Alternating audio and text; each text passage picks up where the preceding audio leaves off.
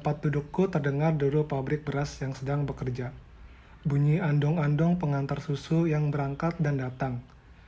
Derak-derik gerobak-gerobak mengangkuti sesuatu dari dan ke gudang. Pukulan-pukulan gebahan orang melepas kacang-kacangan dari kulitnya, sambil bergurau. Aku masuk ke kamar, membuka-buka buku catatanku, dan mulai menulis tentang keluarga aneh dan seram ini yang karena suatu kebetulan telah membuat aku terlibat di dalamnya. Siapa tahu pada suatu kali, kelak bisa kubuat cerita seperti Bila Mawar pada Layu. Cerita bersambung mengemparkan tulisan Hertog Lamoye. Ya, siapa tahu. Selama ini aku hanya menulis teks iklan dan artikel pendek untuk koran lelang. Siapa tahu, dengan nama sendiri terpampang dan dibaca oleh umum. Siapa tahu. Semua kata-kata analis telah kucatat. Bagaimana tentang Darsam, si pendekar? Aku belum tahu banyak tentangnya. Berpihak pada siapa dia di antara tiga golongan dalam keluarga seram ini? Tidakkah dia justru bahaya terdekat bagi ketiga-tiga pihak? Bahaya? Adakah bahaya itu sesungguhnya? Kalau ada, kan aku sendiri pun ikut terancam. Kalau benar ada, untuk apa pula aku tinggal di sini? Kan lebih baik aku pergi. Pergi begitu saja aku tak kuasa. Gadis mempusanakan ini ke mana pun terbawa dalam pikiran. Kutukan pada pintu itu membuat aku menggeragap. Nyai telah berdiri di hadapanku. Tak tak kirakan gembira Annelies dan aku sinya sudah datang. Lihat Nyo, dia sudah mulai bekerja lagi mendapatkan kegesitannya yang semula. Kedatangan Sinyo bukan sekedar membantu kelancaran perusahaan, terutama untuk kepentingan analis sendiri. Dia mencintai Sinyo. Dia membutuhkan perhatianmu. Maafkan keterus teranganku ini, Mingke. Ya, Mama, jawabku takzim. Rasanya lebih daripada kepada ibuku sendiri. Dan kembali kurasai daya sihirnya mencekam. Sudahlah, tinggal di sini saja. Kusir dan benih bisa disediakan khusus untuk keperluan Sinyo. Terima kasih, Mama.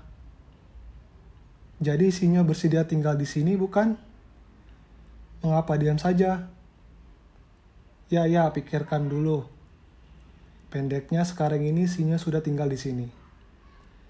Ya, Mama dan genggamannya atas diriku semakin terasa. Baik, istirahatlah, biar terlambat, tentunya tak ada buruknya aku ucapkan selamat naik kelas. Dengan demikian, aku mulai menjadi batih baru keluarga ini. Dengan catatan tentu, aku harus tetap waspada, terutama terhadap Darsam. Aku tak akan terlalu dekat padanya. Sebaliknya harus selalu sopan padanya. Robert barang tentu akan membenci aku sebagai pribumi tanpa harga. Tuan Herman Malema tentu akan menyembur aku pada setiap kesempatan yang didapatnya. Pendeknya, aku harus waspada kewaspadaan sebagai bea kebahagiaan hidup di dekat gadis cantik tanpa bandingan. Analis Malema. Dan apa bisa diperoleh dalam hidup ini tanpa bea? Semua harus dibayar atau ditebus. Juga sependek-pendek kebahagiaan. Pada waktu makalam malam, Robert tak muncul. Bayang-bayang dan langkah menyeret Tuan Malema pun tiada. Minke, Nyo. Nyai memulai. Kalau suka bekerja dan berusaha, kau cukup di sini saja bersama kami. Kami pun akan merasa lebih aman dengan pria di dalam rumah ini. Maksudku, pria yang dapat diandalkan.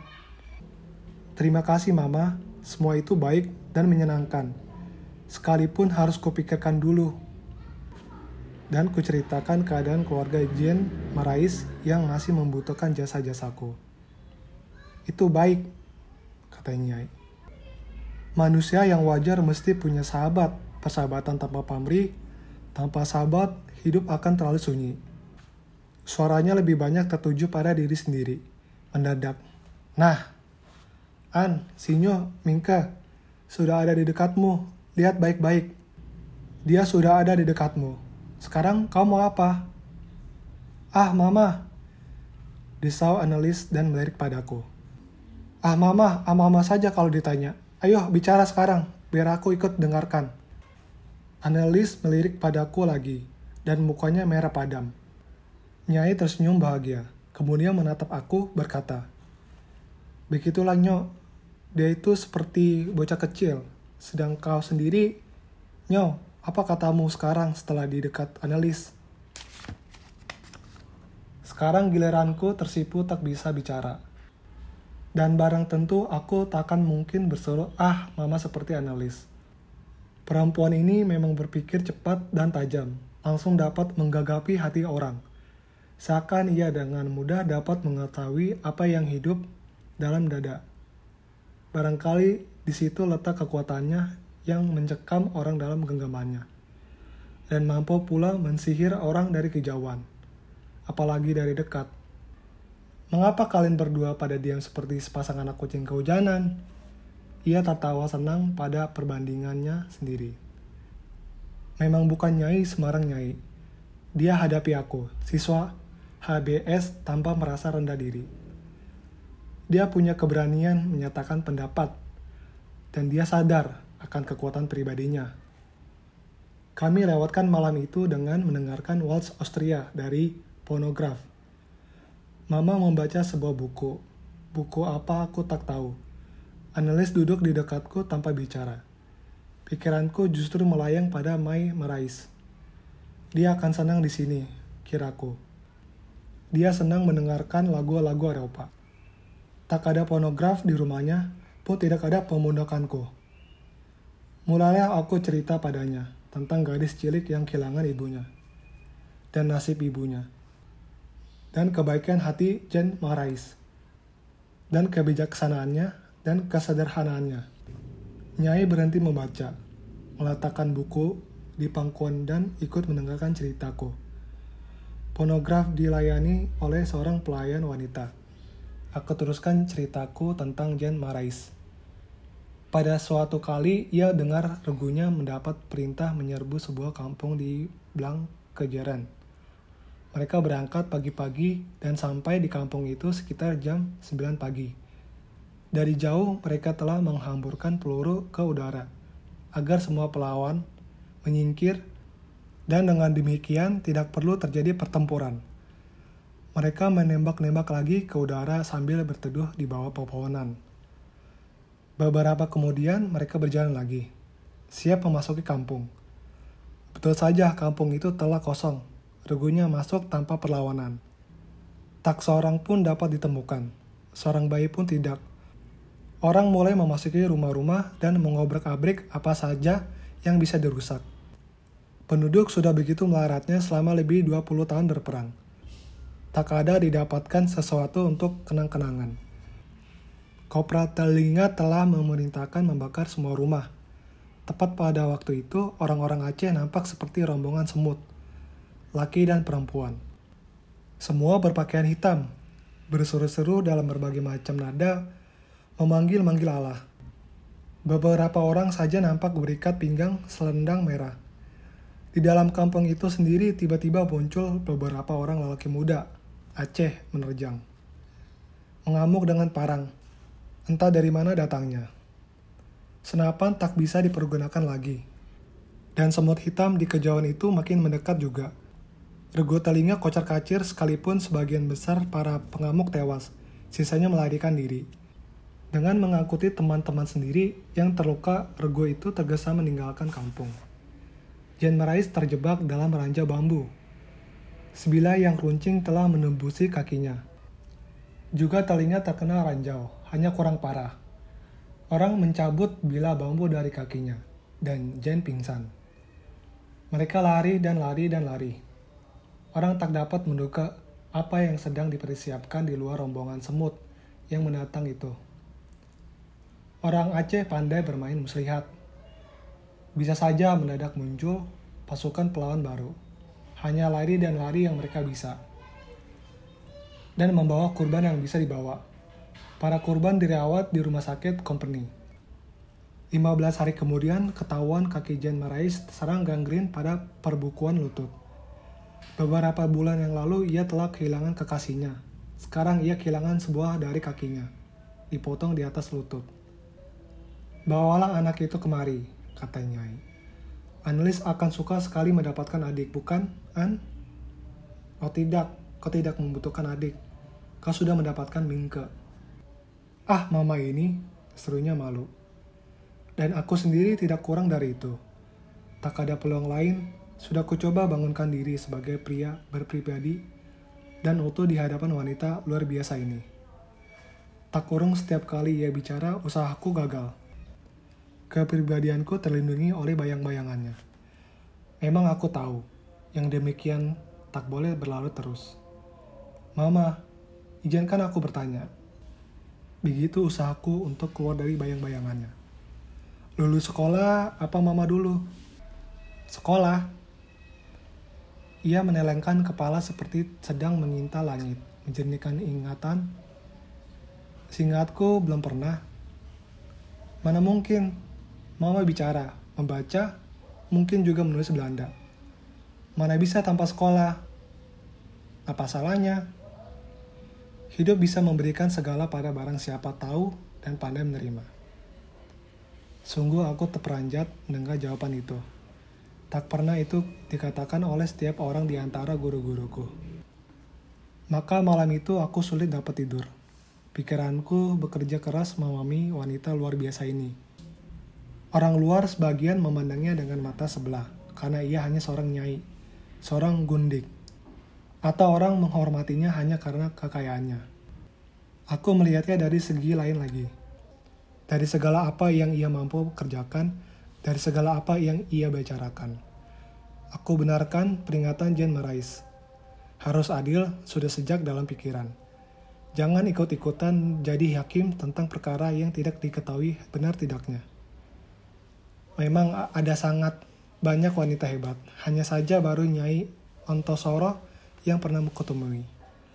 Menurut cerita Jen Marais, wanita Aceh sudah terbiasa turun ke medan perang melawan company dan rela berguguran di samping pria. Juga di Bali. Di tempat kelahiranku sendiri, wanita petani bekerja bau-membau dengan kaum pria di sawah dan ladang. Namun semua itu tidak seperti mama. Dia tahu lebih daripada hanya kampung halaman sendiri. Dan semua teman sekolah tahu ada juga seorang wanita pribumi yang hebat seorang darah. Setahun lebih tua daripadaku. Ia putri Bupati J wanita pribumi pertama yang menulis dalam Belanda, diumumkan oleh majalah keilmuan di Betawi. Waktu tulisannya yang pertama diumumkan, ia berumur 17. Menulis tidak dalam bahasa ibu sendiri. Setengah dari teman-temanku menyangkal kebenaran berita itu. Mana bisa ada pribumi darah pula, hanya lulusan ELS. Bisa menulis, menyatakan pikiran secara Eropa, apalagi dimuat di majalah keilmuan. Tapi aku percaya dan harus percaya. Sebagai tambahan keyakinan, aku pun bisa lakukan apa yang ia bisa lakukan. Kan telah kubuktikan aku juga bisa melakukan, biarpun masih taraf coba-coba dan kecil-kecilan, bahkan dialah yang merangsang aku untuk menulis. Dan di dekatku kini ada wanita lebih tua. Dia tidak menulis, tapi Ali mencekam orang dalam genggamannya. Dia pengurus perusahaan besar secara Eropa dia menghadapi sulungannya sendiri, menguasai tuannya, Herman Malema, mengunkan bungsunya untuk jadi calon administrator analis Malema darah cantik idaman semua pria. Aku akan pelajari keluarga aneh dan seram ini, dan bakal kutulis. Tak dapat aku menahan kecucukanku untuk mengetahui siapa sebenarnya Nyai Otosoro yang hebat ini. Beberapa bulan kemudian, baru ku ketahui dari cerita lisan analis tentang ibunya. Setelah aku susun kembali cerita itu, jadi begini.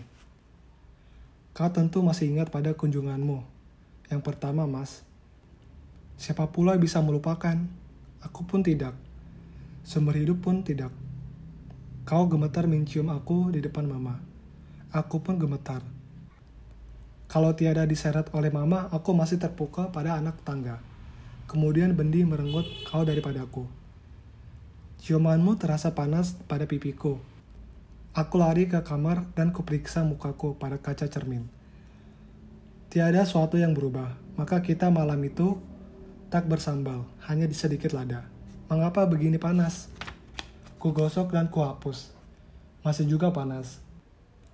Ke mana pun mata ku layangkan, selalu juga tertumbuk pada matamu. Sudah gilakah aku?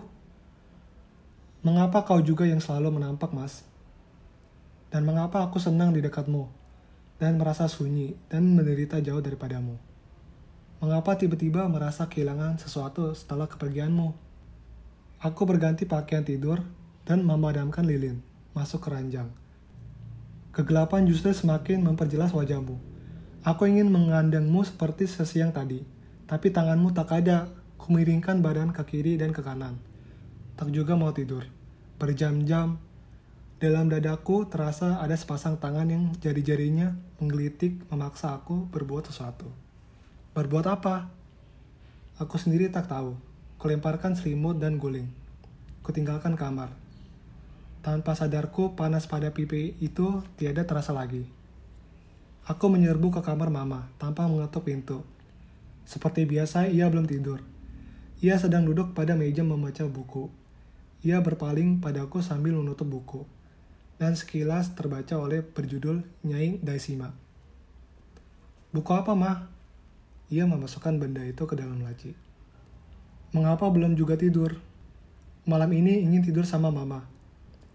Perawan sebesar ini masih mau tidur sama Biang. Ma izinkanlah. Sana, naik dulu. Aku naik dulu ke ranjang. Mama turun untuk memeriksa pintu dan jendela. Kemudian naik lagi, mengunci pintu kamar, menurunkan kelambu, memadamkan lilin, gelap gelita di dalam kamar. Di dekatnya aku merasa agak tenang, dengan harap cemas menunggu kata-katanya tentang kau, mas. Iya, analis. Ia memulai. Mengapa takut tidur sendirian? Kau yang sudah sebesar ini? Mama, pernah mama berbahagia? Biarpun pendek dan sedikit, setiap orang pernah an. Berbahagia juga mama sekarang? Yang sekarang ini aku tak tahu. Yang ada hanya kekhawatiran, hanya ada suatu keinginan. Tak ada sangkut paut dengan kebahagiaan yang kau tanyakan. Apa peduli diri ini berbahagia atau tidak? Kau yang kukhawatirkan. Aku ingin lihat kau berbahagia. Aku menjadi begitu terharu mendengarkan itu. Aku peluk mama dan aku cium dalam kegelapan itu. Ia selalu begitu baik padaku.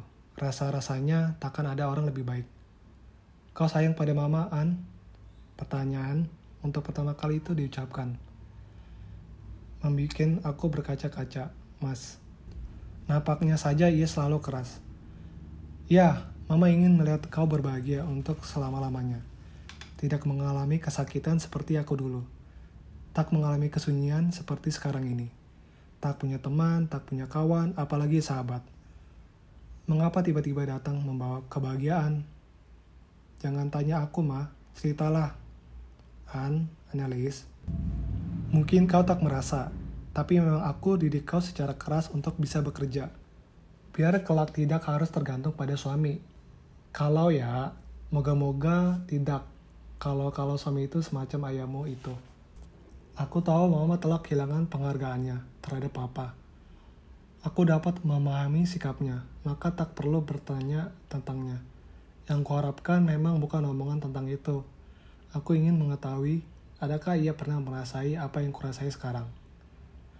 Kapan mama merasa sangat, sangat berbahagia? Ada banyak tahun setelah aku ikut Tuan melemah ayahmu. Lantas, mah? Kau masih ingat waktu kau kukeluarkan dari sekolah? Itulah akhir kebahagiaan itu. Kau sudah besar sekarang. Sudah harus tahu memang. Harus tahu apa sebenarnya telah terjadi. Sudah beberapa minggu ini aku bermaksud menceritakan. Kesempatan tak kunjung tiba juga. Kamu ngantuk? Mendengarkan, mah. Pernah papamu bilang, Dulu, waktu kau masih sangat sangat kecil, seorang ibu harus menyampaikan pada anak perempuannya semua yang dia harus ketahui. Pada waktu itu, betul An, pada waktu itu segala dari papamu aku hormati, aku ingat-ingat, aku jadikan pegangan. Kemudian ia berubah, jadi berlawan dengan segala yang pernah diajarkannya.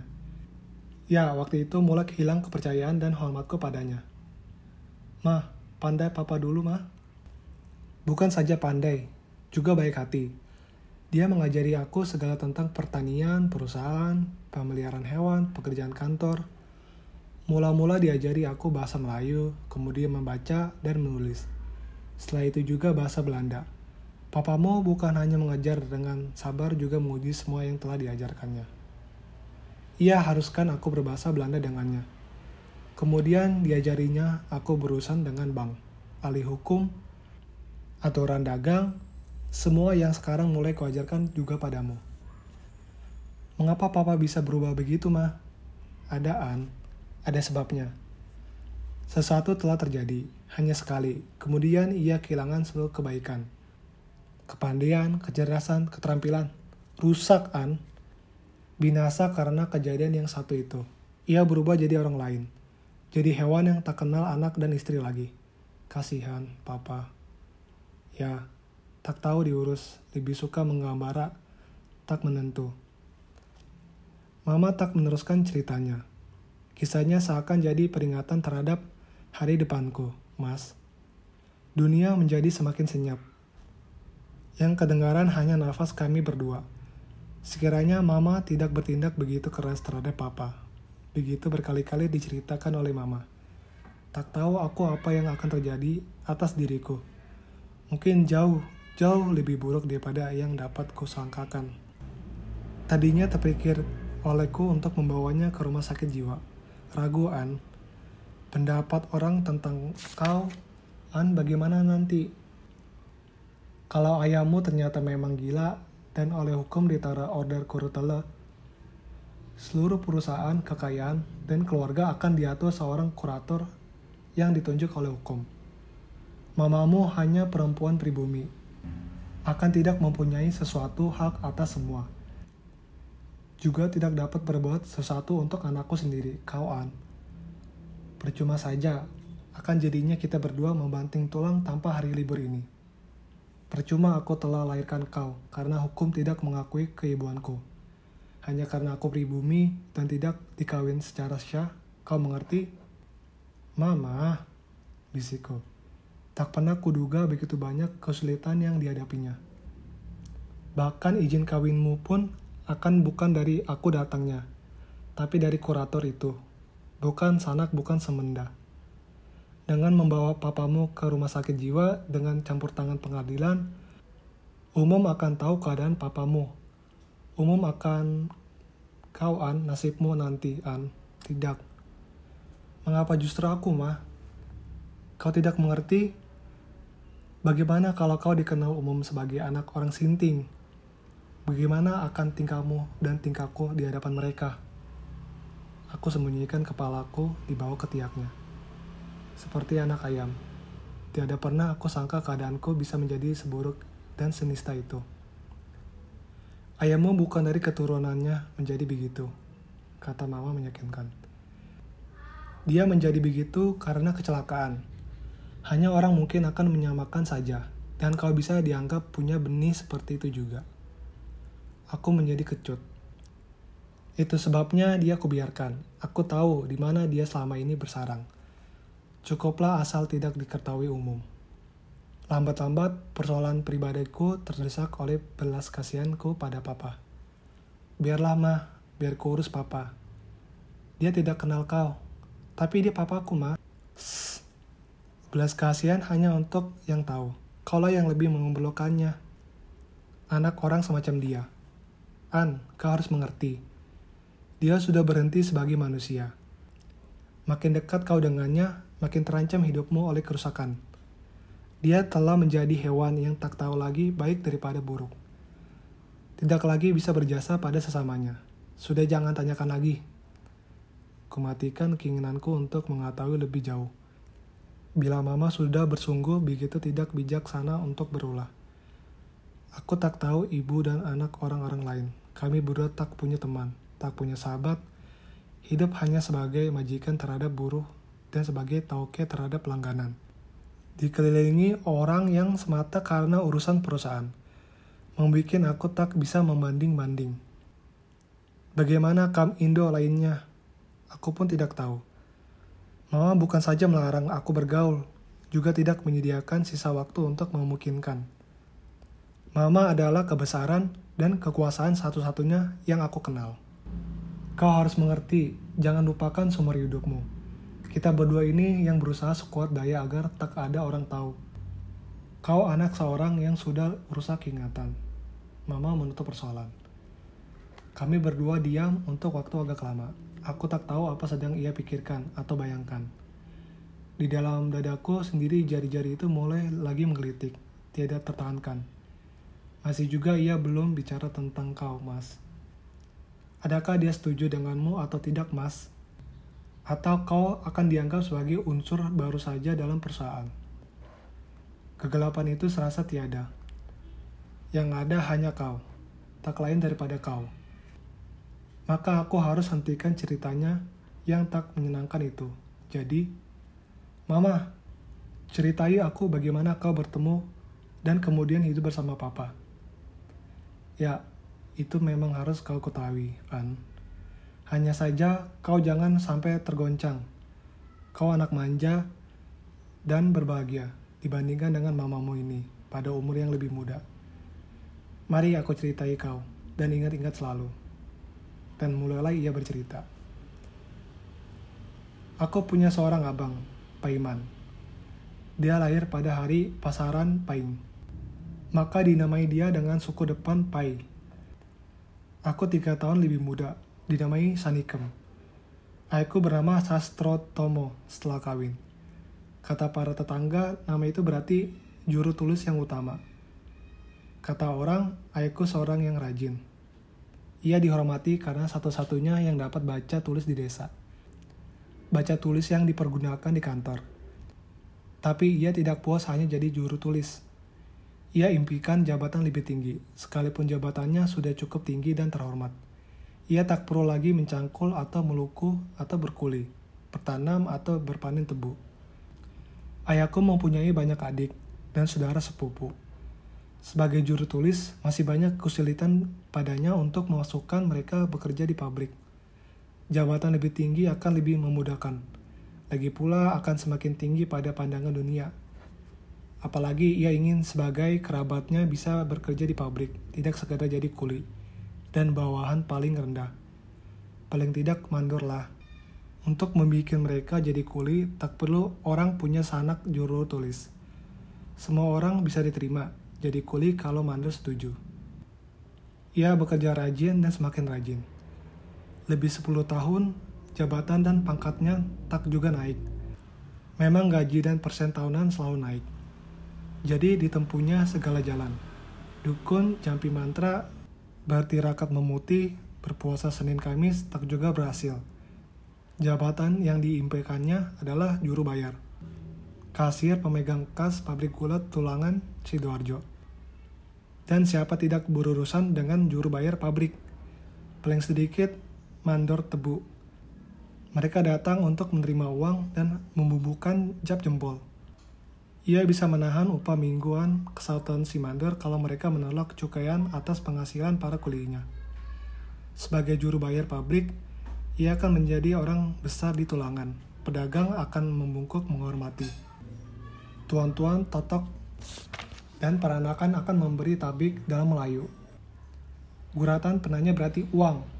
Ia akan termasuk golongan berkuasa dalam pabrik. Orang akan mendengarkan katanya. Tunggu di bangku situ untuk dapat menerima uang dari tangannya. Mengibakan bukan kenaikan jabatan, kehormatan, dan ketakziman yang ia dapatkan dari luar impiannya. Sebaliknya, kebencian dan kejijikan orang. Dan jabatan juru bayar itu tetap tergantung di awang-awang. Tindakannya menjilat dan merugikan teman-temannya, menjadikan tersisi dari pergaulan. Ia terpencil di tengah lingkungan sendiri, tapi ia tidak peduli. Ia memang keras hati, kepercayaannya pada kemurahan dan perlindungan tuan-tuan kulit putih tak terpatahkan. Orang muak melihat usahanya menarik tuan-tuan Belanda itu agar sudi datang ke rumah. Seorang dua memang datang juga, dan disuguhnya dengan segala apa yang bisa menyenangkan mereka. Tapi jabatan itu tak juga tiba. Malah melalui dukun dan tirakat ia berusaha mengendam tuan administrator, tuan besar kuasa agar Sudi datang ke rumah. Juga tak berhasil. Sebaliknya, ia sendiri sering berkunjung ke rumahnya. Bukan untuk menemui pembesarannya karena sesuatu urusan. Untuk membantu kerja di belakang. Tuan administrator tak pernah memperpedulikannya. Aku sendiri merasa risih mendengar semua itu. Kadang dengan diam-diam kuperhatikan ayahku dan merasa iba. Betapa jiwa dan raganya disesa oleh impian itu. Betapa ia hinakan diri dan martabat sendiri. Tapi aku tak berani bicara apa-apa.